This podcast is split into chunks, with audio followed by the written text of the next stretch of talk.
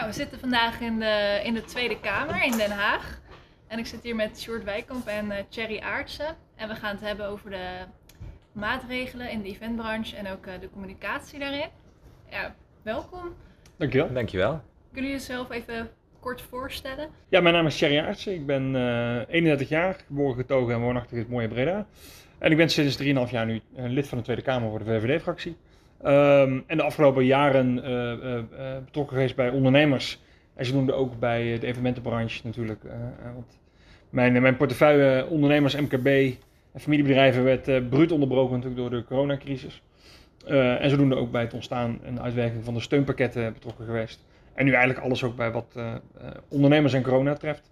En Sjoerd Wijkamp, 42, vader van twee kinderen. De twee mooiste evenementen ooit gemaakt. Um, en hoofdredacteur en mede-eigenaar van eventbranche.nl, wat het mediaplatform is en een heel netwerk en de community in de echte zakelijke evenementenmarkt. Dus live communicatie en experience marketing door grote bedrijven, door organisaties, goede doelen. Dat is uh, mijn uh, dagelijkse werk. In het kort. Ja. Ja, want uh, Thierry, jij werkt nu 1092 dagen al. Kijk, je hebt het geteld. in het, ja, ik zag het staan. Je hebt het geteld, ja. maar ik las ook dat je thuis niet meteen over politiek sprak, dat er twee onderwerpen niet echt uh, ja. besproken werden, dus politiek en uh, godsdienst. Dus hoe ben je dan toch in de politiek geraakt? Al vanaf je negentiende? Ja, klopt. Ik was er vroeg bij. Nee, ja, eigenlijk op de middelbare school al, al betrokken geraakt bij, bij dingen die politiek is. Wat ik al zei, ik kom zelf uit een ondernemersnest. Um, dus bij ons werd er thuis niet heel veel over politiek gesproken. Uh, politiek en geloof kunnen alleen maar klanten en geld kosten. Dus daar werd niet over gesproken thuis. Um, maar ik ben eigenlijk een beetje van de generatie na Pim Fortuyn natuurlijk, waardoor het allemaal uh, politiek interessant werd, uh, uh, aantrekkelijk werd. en zodoende ook op de middelbare school daar interesse in gekregen. En daar bij de VVD ingerold. en door een hele succesvolle campagne, in, eigenlijk tot mijn eigen schrik, gemeenteraadslid geworden in, in Breda in 2010. Dus toen was ik 20 jaar oud. En dat, dat vak beviel best goed. Uh, uh, en ik vond het hartstikke leuk om te doen, om ook echt het verschil te kunnen maken voor mensen, op te komen voor mensen. Um, dat is iets wat mij, mij gewoon enorm goed past. En dat uh, mag ik nu met heel veel trots en eer ook in de Tweede Kamer doen. Oh, mooi hoor. En jij journalistiek en communicatiewetenschappen gestudeerd. En hoe ben je dan in de evenementenbranche gerold? Is, is in principe een heel lang verhaal. Want niet alleen uh, middelbare school, zeven jaar over gedaan, vier jaar journalistiek en vijf jaar communicatiewetenschap. Dus ik ben zo'n beetje professioneel student geweest. Uh, en maar toen ik aan het afstuderen was bij communicatiewetenschap, wat ik overigens koos omdat ik de journalistieke wereld echt, kreeg er echt een enorme hekel aan. Heel veel mensen ontmoet die zichzelf veel belangrijker vinden dan waar ze het over hebben. Dus dacht ik kom nooit meer in iets wat ook maar richting journalistiek gaat. Maar ik deed wel mijn afstudeerscriptie op de universiteit over PR en marketing. En toen kwam ik het woord uh, experiential marketing tegen. En mijn professor, dat was een Duitser, die zei: Ach nee, dat is echt, dat vliegt wel weer over. En ik vond het fantastisch. En ik had het nog niet besloten dat ik die richting op ging. En ik werd gebeld om uit het niets hoofdredacteur te worden van toen nog feestelijk zaken doen. Omdat de vorige hoofdredacteur overstapte naar de concurrent. Uh, zo ben ik niet. Dus toen dacht ik, uh, omdat ik dat vooral niet ben, dan ga ik dat gewoon doen. En uh, ja, ik moet nog even mijn excuus aanbieden aan mijn moeder. Ik heb uiteindelijk niet mijn master gehaald, maar ik zit helemaal op mijn plek. Dit is, ik, ik ben horeca, ik ben evenementen, festivals en ik ben ook schrijven en alles wat daarbij hoort. Dus ik zit helemaal goed. Ja, want je hebt ook nog een café gehad. ja, ja, zeker. Ja, ja dat was echt een succesverhaal. Er zijn nu nog mensen die komen naar Doetinchem en die vragen dan is café Hattrick er nog? Dat was een soort vrijstaat. En die zijn we begonnen toen we 30 waren, ongeveer met 11 vrienden. Dus ook echt een elftal uh, voetbal, heel erg gelinkt aan de graafschap. Dus bij wedstrijden zat de kroeg vol, maar ook na de wedstrijd. Het was echt, het was een bizarre tijd. Vier jaar lang volgehouden. En toen wij stopten, uh, twee weken later, had ik de 20 weken echo van mijn eerste dochter. Oh, dus het was heel goed. Het was een hele mooie tijd, maar ligt Om, achter me. Ja. ja. Klopt. nou ja, jullie kennen elkaar ook al. Uh een beetje inderdaad. Ja, klopt. Ja, ja Thierry. Dat is de coronacrisis. Ja, ja, nee, ja er waren niet zoveel die meteen zich opwierpen, of in ieder geval meteen zeiden van ik snap wat er bij jullie aan de hand is. En uh, ik zit hier natuurlijk niet om uh, iemand helemaal te bij, maar dat vond ik zo bijzonder. Dat, uh, dat zelfs, volgens mij ging zelfs een keer op zaterdagochtend de telefoon en zei ik tegen de kinderen, even niet, Thierry belt. Thierry belt. gewoon, dan wil hij gewoon even weten wat gebeurt er, wat speelt er. Ja, dat is voor mij, als je politiek bedrijft, dan is niet dat hij naar mij belt, maar daar gaat het om. En dat heb ik als zeer waardevol uh, ervaren. En ook met iedereen die het maar wilde horen, gedeeld. Ja, want je werpt je sowieso heel erg wel op voor de ondergeschoven ondernemers ook wel vaak. Ja. Waarom voor hen? Je, je zag eigenlijk in de coronacrisis dat, dat overheid en, de overheid en ondernemers heel veel van elkaar afstonden. Um, en, en helemaal in het begin ook, hè, toen, toen net de coronacrisis uitbrak en de eerste maatregelen genomen werden, steunmaatregelen ook aangekondigd werden, zag je gewoon dat die werelden enorm groot waren. Hè. Ondernemers hebben in principe helemaal niks, willen, willen het liefst ook helemaal niks met die overheid te maken hebben. Hè. Belastingdienst, belasting moet je doen in, in het land gelukkig, maar uh, daar wil je natuurlijk zoveel mogelijk van je af hebben als ondernemer. Je wil als ondernemer gewoon lekker kunnen ondernemen. Uh, en dan ben je niet gericht op subsidies of steunmaatregelen of, of wat dan ook. Uh, alleen je zag in het begin, iedereen was in blinde paniek. Uh, kroegen moesten dicht, restaurants moesten dicht, dingen werden verboden, er was totale onzekerheid. En daarin zat echt wel een, een soort informatiegat. Dus ik ben toen eigenlijk begonnen met op LinkedIn een stukje schrijven over wat er gebeurde. Welke steunmaatregelen ehm, er waren, waar mensen naartoe konden voor vragen. Uh, en dat sloeg enorm aan uh, bij ondernemers, omdat ze op dat moment echt op zoek ook waren naar, naar een beetje die brugfunctie tussen ondernemers en politiek. En andersom uh, werden steunpakketten uit de grond gestampt, die historisch zijn. Want normaal is natuurlijk een overheid, zeg je ook als liberaal, als VVD'er, er niet voor om, om het bedrijfsleven met miljarden overeind te houden. maar je zag nu, corona was geen, geen ondernemersrisico. Ehm, dus we moesten echt zorgen dat ondernemers ook gesteund werden, anders vielen om. Uh, alleen ja, dat was makkelijker gezegd uh, in theorie dan in de praktijk. Hè. Ik word af en toe nog wel eens badend in het zweet wakker als ik het woord SBI-code s'nachts uh, ja, door, mijn hoofd, ja. door mijn hoofd heen schiet. en zo waren er nog wel wat meer problemen. En dan is het juist heel fijn om ook even gewoon contact te hebben met, met ondernemers of even te weten hoe zit het nou in de praktijk. Want het gevaar van Den Haag is dat je hier in je eigen tekentafel, in die Haagse tekentafel gaat geloven. En ik heb voor mezelf altijd een staakopvatting eh, gehad als Kamerlid. Ik moet zorgen dat we de praktijk hier op die Haagse tekentafel neerleggen en zeggen: hé hey jongens, dit moet aangepast worden op deze manier. Anders werken de steunmaatregelen niet. En dat heb ik ja, de afgelopen tijd proberen te doen. En dat probeer je zo in verschillende sectoren wat mensen te vinden waar je op kan leunen en waar je, waar je goede gesprekken mee kan hebben. En Shoot was daar een van, uh, in ieder geval voor de evenementensector. Ook omdat hij natuurlijk het hele speelveld goed overzag van evenementen, met de ZZP'ers die daar werkten, de organisatoren, artiesten, uh, zakelijke branche, locaties, uh, podiabouwers, dat soort zaken. want het is natuurlijk een veel veelzijdige, veelzijdige sector. en, dat heb ik ook in het begin al gezegd, de sector was, moet ik erbij zeggen, extreem slecht georganiseerd. Ja. dat, dat werd ook wel in de brede bekend. Ik vind ook altijd dat er enorme stappen op zijn gezet.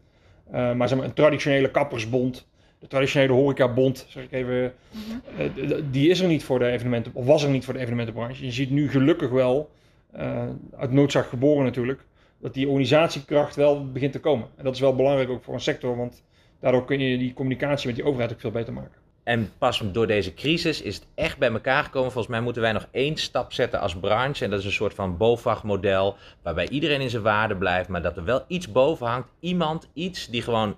Dat is het aanspreekpunt. Dat is gezicht naar buiten. Die moet ervoor gaan staan. Die moet op de, op de zeepkist durven staan als het moet. Niet gaan schreeuwen. Dat hebben we volgens mij ook wel gezien in deze crisis. Het heeft totaal geen zin. Met elkaar om tafel. En uitleggen dat. Dat waar bijvoorbeeld iemand als Thierry wel het gevoel gaf dat het dichtbij was en dat mensen goed luisterden. En de reden dat dat nu helemaal weg is, komt omdat er nu gewoon uh, in, in het luchtledige eigenlijk gecommuniceerd wordt. Dus nu zou er dus iemand namens die eventbranche en zeker die zakelijke kant, die zou gewoon een keer heel hard op de tafel moeten kunnen slaan namens de hele branche. En nu is het nog steeds, het platform, event goud. Wat die mensen gedaan hebben. En precies ook vanuit het verleden waren echt een beetje haantjes, zo zag ik ze. En ze accepteerden elkaar wel, maar het waren eigen clubjes met ook eigen verdienmodellen vaak. Ja, ik, ik ben echt apen trots op hoe dat bij elkaar gekomen is. Maar nu moeten we niet vergeten nog die laatste stap te zetten. En dan komt er toch nog iets goeds uit, uh, uit een crisis. Maar je bent zelf ben je ook wel een beetje de stem voor de eventbranche. Want je hebt ook het lintje voor live ge gewonnen. Waar, uh, wat je krijgt als, uh, ja, voor, de, voor de live communicatie. Maar daar heb je het op LinkedIn. bleek ook wel dat je echt wel de stem voor de eventbranche was. En dat je, omdat je ook vroeg naar uh, Hugo en Mark of ze konden reageren. Maar dat is niet gebeurd. Nee, die reageren niet. Maar wat, het, ik, ik, ben er zelf ook een beetje van geschrokken. Als in van, dat sommige filmpjes werden gewoon 50.000 keer bekeken. Wat er natuurlijk aan de hand is, is dat je nu zit je in een heel officieel nou, bijna lobby- en overlegtraject van het eventplatform, de Alliantie. Die Mhm. laat zich overigens ook wel eens horen van, ja, maar kom op dit. en ik vind, als, als wij het medium zijn, het middelpunt, dan mogen wij best een beetje Pietje Bel zijn. En af en toe zowel proberen tot hier, maar ook zeker naar die mensen die al die overleggen doen. Je kunt, ook, je kunt je ook blind gaan staren op het feit dat je, dat prettig is dat je met vier ministeries om tafel zit. Er mag af en toe ook wel wat gas gegeven worden. En dat wij stiekem dan aan de achterkant altijd contact hebben met het eventplatform. Dat hoort er ook bij. We moeten, we moeten samen nu voor een hele branche opkomen. Dus alle persoonlijke belangen aan de kant. En of zo'n filmpje nou echt direct effect heeft, weet ik niet. Ik heb heel erg gemerkt dat mensen ook daar soms houvast aan Ja, hebben. zeker. En dan huppakee, dan gaan we toch maar weer samen de volgende strijd aan. Dit soort films zijn ook altijd gewoon belangrijk, vind ik zelf ook. Om een stukje emotie te kanaliseren. Ja. Dat is ook gewoon belangrijk. Kijk, ehm, eh, het- het is gewoon heel pittig in deze tijd om beslissingen te moeten nemen. Eh, en dat doe je nooit goed. Dat weet je ook als je beslissingen moet nemen. Eh, alleen, eh, het- is ook goed om dan feedback te krijgen op ook wat het met mensen. Je moet je continu blijven beseffen wat het met mensen, met bedrijven, met ondernemers doet. Ja. Eh, en dat besef is, al, is, al, is eigenlijk al winst, zeg maar. Ja. Ehm, en daar zijn dit soort dingen altijd heel nuttig voor. Waar, waarbij ik dus nu het gevoel heb dat, dat je zou nu als overheid, als beslissingsnemers in deze, want dat, zo is het nu gewoon, wat gedetailleerder kunnen communiceren. Als in van dat het verschil tussen een congres en een festival, als het effect heeft door een afkondiging op het festivalgebied, dat er bij de RAI drie hele grote pukkels van evenementen gewoon weer teruggetrokken worden. Ja, dan vind ik wel, dan gaat het niet om mijn filmpje, maar dan moet er ook hier ergens een alarmbel afgaan. Want het gaat echt, nou ja, je weet bij de RAI, er is gewoon bijna de Ja. helft van de mensen zijn er al uit. Het kan toch niet dat zo'n instituut staat te wankelen? En natuurlijk snap ik ook wel dat wij zijn ook echt, het is bijna een evenementenvirus. Het is een ontmoetingsvirus. En dat is, Ja. iedereen heeft er alle begrip voor, daar ben ik nog steeds van overtuigd. En je merkt gewoon dat, dat het voor Tweede Kamerleden ook iets makkelijker is. Dan doe je wel even een berichtje terug en dat is super prettig. Maar uiteindelijk voel je nu, komt ook door Zandvoort, alles. Je voelt nu een beetje dat het, dat het een beetje uit elkaar groeit. Dus Ja. er zal nu een stap gezet moeten worden van jongens, we gaan even iets helderder afspraken maken. Iets Ja. meer paaltjes slaan. Ja, de- de- en dat, dat is ingewikkeld, want kijk, eh, sluiten is, in- is, is makkelijker dan, eh, dan openen, zeg ik altijd in deze coronatijd. Eh, omdat je kunt namelijk opening nergens op baseren. Eh, je, idealiter zeg je, ik heb vijf knikkers. Hm. Dat is de ruimte die het virus op dit moment ons geeft. En die kan ik zo netjes verdelen onderling. En als die vijf knikkers op zijn, dan is het op. Zo, zo werkt het alleen niet. Je kijkt naar wat er kan en wat er niet kan. En dan, dan is het afpellen. Wat je bij, die, bij het coronavirus ziet, is dat gewoon ehm, plekken waar, je, waar veel mensen samenkomen. eh, waar veel bewegingen eh, waar mensen ehm, minder goed zich aan de regels kunnen houden. Dan wel omdat het eh, lang duurt, dan wel omdat er alcohol wordt gebruikt, dan wel omdat het gewoon gezellig is. Die, al die dingen die ik noem, dat is ongeveer het, businessmodel van een evenement eh, of een festival. Mhm. Eh, zorgen dat er heel veel mensen bij elkaar komen die langdurig het gezellig hebben, vaak ook nog met een drankje erbij en muziek. Ja. En ja, dat, is, dat is het ingewikkelde. En we hadden natuurlijk de hoop eh, voor de zomer dat het, dat het goed ging. Dan, dan, dat is net niet goed gegaan. En dan, is het, dan moet je ingrijpen. En dat, dan is het ingewikkeld. Dan is het ook ingewikkeld om dingen het voordeel van de twijfel te geven. Of, of om, om toch ruimte te geven. En inderdaad, ja, we zijn er met z'n allen gewoon klaar mee. Dus dat, dat is ook gewoon Ja, waar bij mij een Ja. geluid wel altijd blijft, sorry Vivienne, hoor, maar dat, dat die zakelijke markt, en dan kom je Ja. toch in een vergelijken, dat wil je natuurlijk eigenlijk niet, want die festivalmarkt en de zakelijke markt die overlappen heel erg. Maar voor zakelijke evenementen, als je, als je laten we nog even één keer de RAI of neem Ahoy of de Jaarbeurs, dat is wel zo ontzettend goed Ja. georganiseerd en geregeld, dat ik denk van ja, dan, dan snap ik ook de woede met bijvoorbeeld Zandvoort, terwijl het echt een gouden evenement, wat een marketing ook gewoon voor Nederland, en niet alleen voor Zandvoort, maar ook voor Nederland, en naar 400 miljoen Ja, kijkers. maar hier, hier, komt het, hier komt het probleem, sorry ik onderbreek je, Ja. maar hier zit het probleem, je kunt vanuit Den Haag niet alles dichtregelen. Ik heb op een gegeven moment een discussie met de minister gehad over, is een gokkast een tafel? Mm. Want je mocht dan, was toen in de horecaregels, mocht je wel aan een tafel zitten, maar niet staan en niet lopen en in- een kroeg of niet aan een bar, want dat was ook geen tafel. En toen was de discussie, maar wat doen we dan met gokkasten? Want namelijk in de 100 Casino mag je wel aan een gokkast zitten en in een kroeg mocht dat niet, want een gokkast was geen tafel. Kijk, dat zeggen, waar zijn we in hemelsnaam mee bezig? Dat er ministers hun tijd moeten besteden aan de vraag of een gokkast een, ta- een tafel is. Je kunt niet tot in drie eh, cijfers achter de komma regelen hoe dingen zijn. En dat, dat is soms, dan valt soms het kwartje de ene kant op en de andere kant op. En bij Zandvoort, ja, ehm, Zandvoort is een sportwedstrijd. Mm. Het is geen evenement, het is een sportwedstrijd. Ehm, ja, dan kun je zeggen dat dat hadden we als evenement moeten benoemen. Ja, maar dan krijg je het ingewikkelde. Dan, dan wat is dan wanneer een sportevenement en wanneer is het een. een in, tijdens corona kun je niet recht lullen, wat krom is, want dingen zijn soms gewoon krom. Maar dat, dat komt, je moet eigenlijk een keer zeggen, dit is zoals het is. Ja. Maar op deze manier krijg je wel natuurlijk dat heel veel mensen zich niet gehoord voelen. Omdat ze het ook nou ja, letterlijk niet begrijpen. Klopt. Dat je denkt, omdat er zoveel verschillen in, uh, in zitten. Terwijl voor de mensen is het juist eigenlijk hetzelfde. Want die denken... Ja, en dan begint, je, dan begint dus het uitleggen, ook, ook het moeilijke gesprek, zeg ik altijd als politici. Hè, het is, er komt een virus, er komt een, een, een ramp, uh, tegenspoed. En daar kun je geen consequent beleid op voeren. Want dat kan namelijk niet. Dat is hetzelfde als je gaat evacueren. Dat kun je ook niet consequent doen. Nee, daar, zit, daar zitten bepaalde logica's in, die probeer je te doen. Maar het is uiteindelijk nog steeds gewoon een crisisbesluit. Uh, want je weet namelijk niet, je hebt te weinig informatie over het virus, je hebt te weinig zicht op het virus, permanent. En dus blijven altijd alles wat je doet, blijft krom. Als je consequent beleid wil, dan moet je zeggen alles open of alles dicht. Uh, nou, dat, dat is ook onhoudbaar. En dus ga je op een gegeven moment zeggen, ja, uh, winkel wel, horeca niet. Ja, waarom? Ja, waarom? Ja, nou ja, goed, horeca, daar, daar verblijf je langer. Hè? Dus, dus uh, dat zijn en, dat pak je dan maar als, als, als kompas. Nee, maar consequent beleid in een crisis, dat kan natuurlijk nooit. Maar een consequente visie, en jij had het over drie cijfers achter de komma. Eh, Eén cijfer achter de komma, volgens mij kan dat, kan dat juist wel. Hè? Er is goed geïnvesteerd in de Field Lab evenementen. Er zijn daar ook verschillende vormen, soorten evenementen aangeduid in overleg met de overheid die houvast is gewoon losgelaten. Tenminste voor de buitenwereld, misschien intern niet, maar voor ons wel. En, en daar, gaat het, daar gaat het volgens mij nu krom, omdat dat niet gebruikt wordt in de visie en uiteindelijk ook in het beleid, maar ook zeker in de communicatie. Dus moet ik uitleggen dat ik inderdaad met 8000 mensen op de Vijverberg ben in het voetbalstadion. Dan hou ik vanuit het vak nog even netjes bij wat doet het met de besmettingen. Nou, helemaal niks. Dus dan is helemaal het hek van de dam in de achterhoek. Zie je wel, dat kan wel, moeten gewoon weer naar de kermis. Nee, dat is heel wat anders. De kermis is weer heel wat anders. Als in de Field Lab gevraagd wordt, zullen we ook nog de nachtclubs gaan onderzoeken. En dat loopt als laatste traject. De cijfers en de data zijn er nog niet. En de clubs worden opengegooid. Ja, dan dat besef, ik noem het altijd maar communicatie, maar er zit natuurlijk veel meer achter. Maar dat besef dat dat speelt, ik geloof dat je daar met een cijfer achter de komma juist wel op in kan spelen. En dat hoeft niet altijd meteen het te voeren beleid te zijn, maar het begrip, de communicatie en een visie die daar vaststaat. Die, die hoort bij, zo komen we er doorheen. Kijk, een visie is lastig in, deze, in, in coronatijd, hè, want dat dingen veranderen. Um, uh, je kunt niet de regels zo schrijven dat ze echt tot, tot cijfers achter de komma. Dat, dat, daar blijf ik bij dat dat niet kan. Je kritiek over de, op, op, op het, uh, nou niet, op, niet kritiek op de field labs, maar het, gebruik, of het eigenlijk niet gebruiken van die informatie, die deel ik 100%. Ik ben daar heel, heel scherp en heel stellig over geweest. Ik ben in politiek aanjager geweest om juist meer van die field labs te gaan doen. Uh, 538 discussie heb ik ook met mijn kop in de wind moeten staan. Dat hadden we moeten doen, dat hadden we gewoon moeten doen. Uh, omdat het uiteindelijk uh, leerzaam was. En wat wij niet hebben gedaan, en met wij, uh, zeg ik even wij als politiek, zeg maar in het brede, we hadden die informatie die field veel beter moeten gebruiken. Ja. En je zag dat daar toch een te grote afstand was tussen Field Lab en uiteindelijk het ministerie van VWS.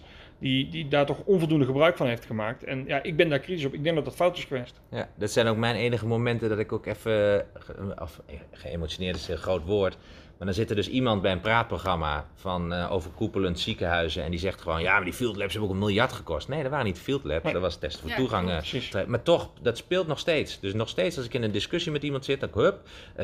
Eén uh, is vaak een geluid van: nou, als je nu nog moet varen op de overheidssteun. Ja, maar dat is het begrip voor eigenlijk wat Thierry zegt. Dus daar spreek ik misschien maar een klein beetje tegen. Maar het begrip dat je ook af en toe van links naar rechts moet, wel weer open. Nee, kan toch nog niet weer terug.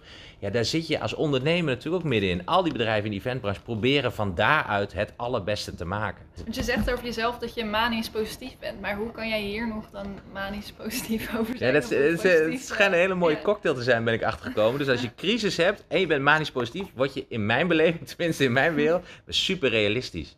Dus ik heb ook mensen moeten ontslaan, maar dat hebben we gedaan met een borrel en dat hebben we gedaan in een heel traject. Ik heb vanaf het moment dat corona er was, heb ik gewoon de cijfers iedere maand op tafel gelegd en gezegd: we gaan met z'n allen knokken. Je hebt alle ruimte om iets anders te gaan zoeken of te vinden of wat je ook wil.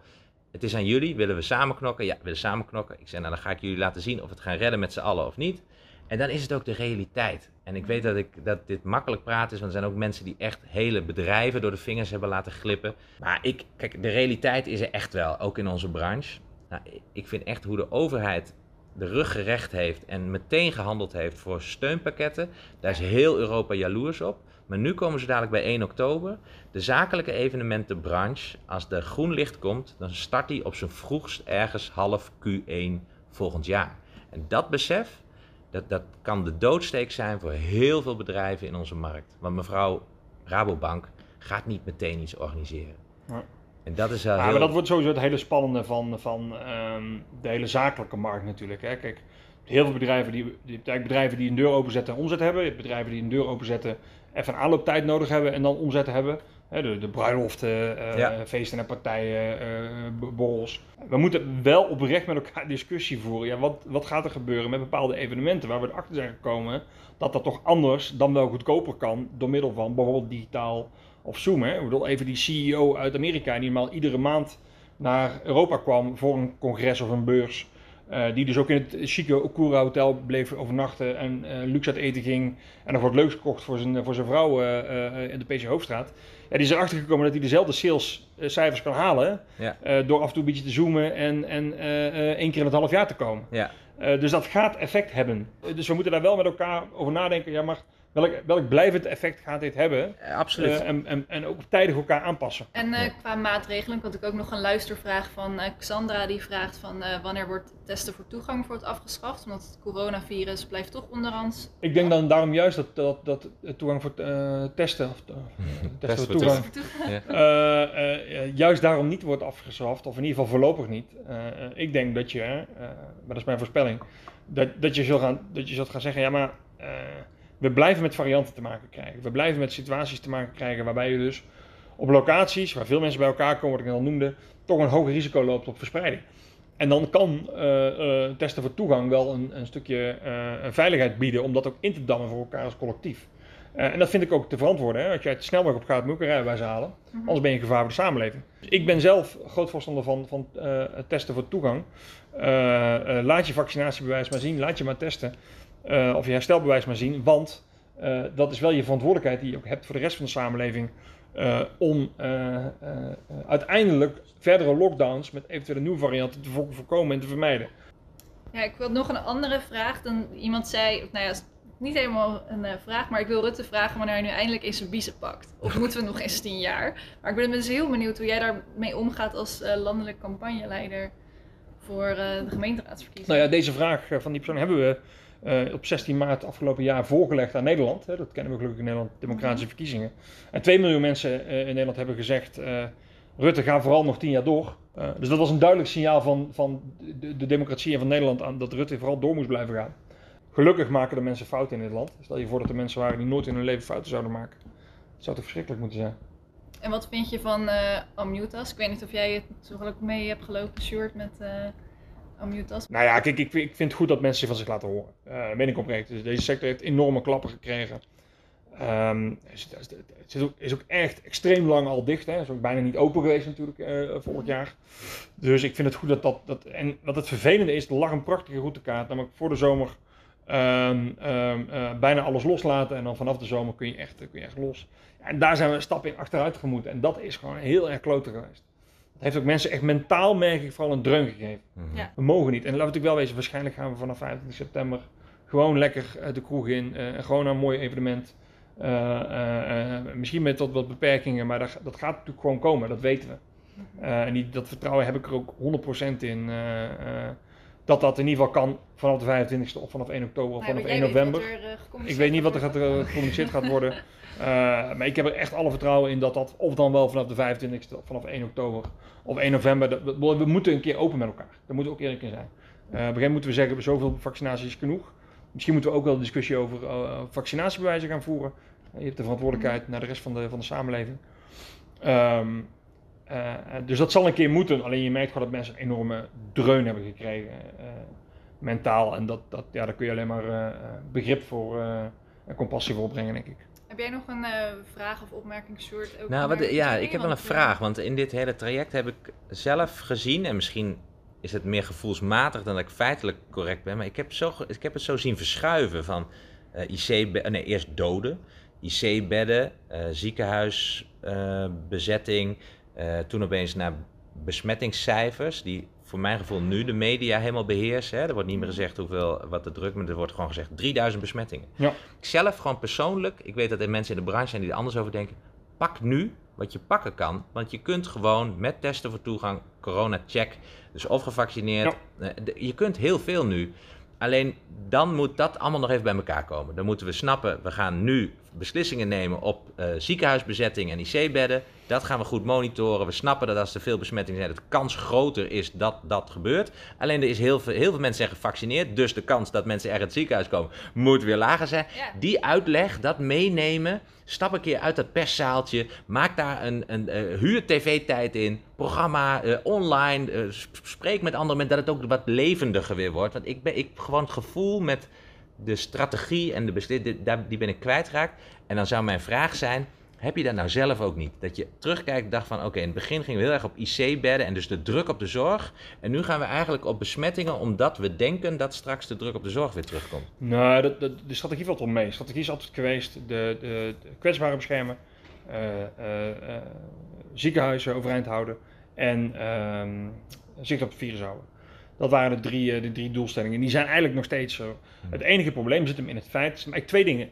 Eén, uh, er zit altijd de vertraging van twee, drie weken op. Ja. Dus als je je besmettingscijfers had laten gaan van de zomer, dan, had, dan hadden we misschien achteraf kunnen concluderen dat er niks aan de hand was geweest. Ja. Maar goed, dat kun je alleen maar achteraf concluderen. Ja, ja. Als het wel was geweest, had je niet alleen maar nu de festivals moeten aflassen, had je ook kroegen dicht moeten doen.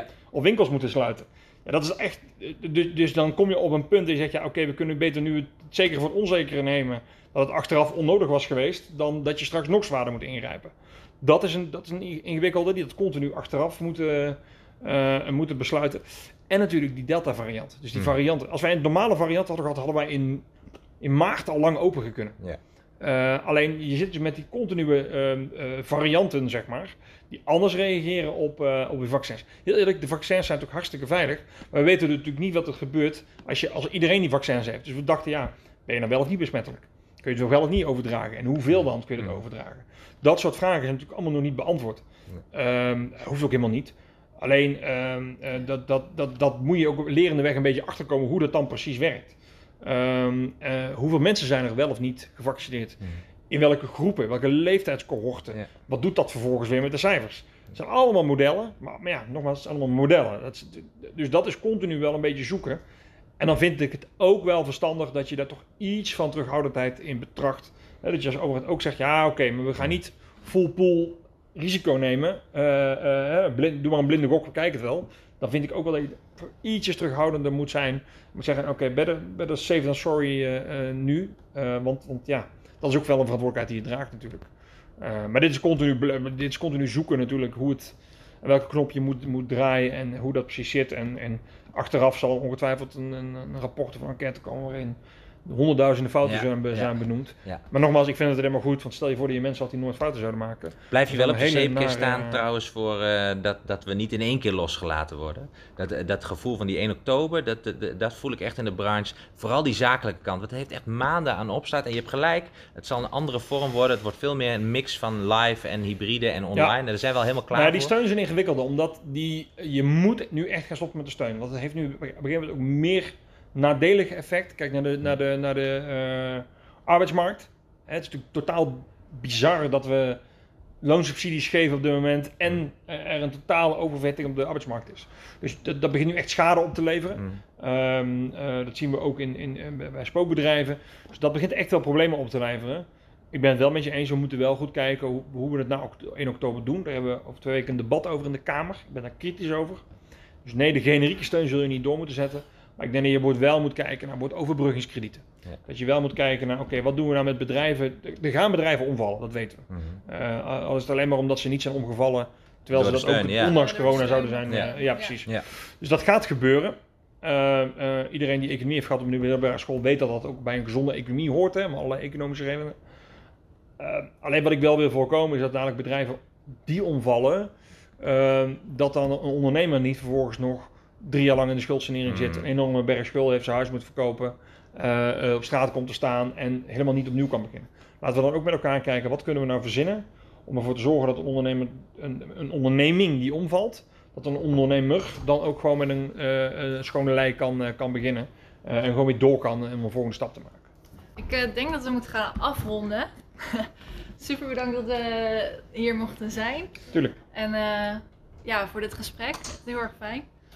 Graag gedaan. heel erg bedankt. Ik, ik weet niet of ik nog één afrondende vraag mag stellen. Tuurlijk. Uh, hebben jullie nog bepaalde ambities? Ik had gelezen dat jij een klein beetje allergie hebt voor het woord, maar uh, alsnog hebben jullie bepaalde doelen, ambities op uh, persoonlijk en zakelijk vlak? Uh, een mooi evenement organiseren, namelijk de trouwen. Ja, precies. Ja, bruiloft. Dat, dat, dat mag kun, ik zelf niet, als, kun je niet online doen hoor. Dan mag ik, nee. dan mag ik, mag ik zelf als eventmanager gaan, ja. gaan acteren. Dus ik even kijken hoe dat vak mij bevalt. Ik ben heel benieuwd. Ja, en ik heb persoonlijk geen ambities, vind ik eng. Vind ik een soort oogkleppen uh, werk. Ik hou er niet van, dat is heel persoonlijk. Ambitie voor de branche is toch blijven roepen dat wij echt bij de laatste twee, drie branches horen die wel nog een afvloeiing en niet in één keer een stop moeten hebben. Omdat wij er ook zijn voor al die bedrijven. Ja. Het is leuk om te roepen dat iedereen naar een festival gaat, maar er zijn nog veel meer mensen die naar zakelijke evenementen gaan. En dat besef, dat blijf ik roepen en dat is dan maar een ambitie. Bedankt. Bedankt voor deze mooie afsluiting. Dankjewel. Graag gedaan. Vandaag ging de audio niet helemaal zoals gepland. Want uh, ja, techniek blijft toch een dingetje. Maar als je dit een goede kwaliteit vond, dan sta je helemaal versteld van de volgende aflevering. Dan gaan we namelijk opnemen met gloednieuwe microfoons. Ik ga dan in gesprek met Marianne Dijkshoorn, auteur van Maak je event toegankelijk voor iedereen. En Linda Kerkhoven van Linda op locatie. We gaan in gesprek over de toegankelijkheid op events. Denk hierbij bijvoorbeeld aan het toegankelijk maken voor mensen in een rolstoel, en waar moet je dan allemaal aan denken bij het organiseren van een event? Op zulke vragen krijgen we volgende maand antwoord. Als je vragen voor hen hebt, stuur dan een mailtje naar eventconsultant.aanmelder.nl. Dan zie je jouw vraag voorbij komen op vrijdag 1 oktober bij weer een nieuwe aflevering van Backstage.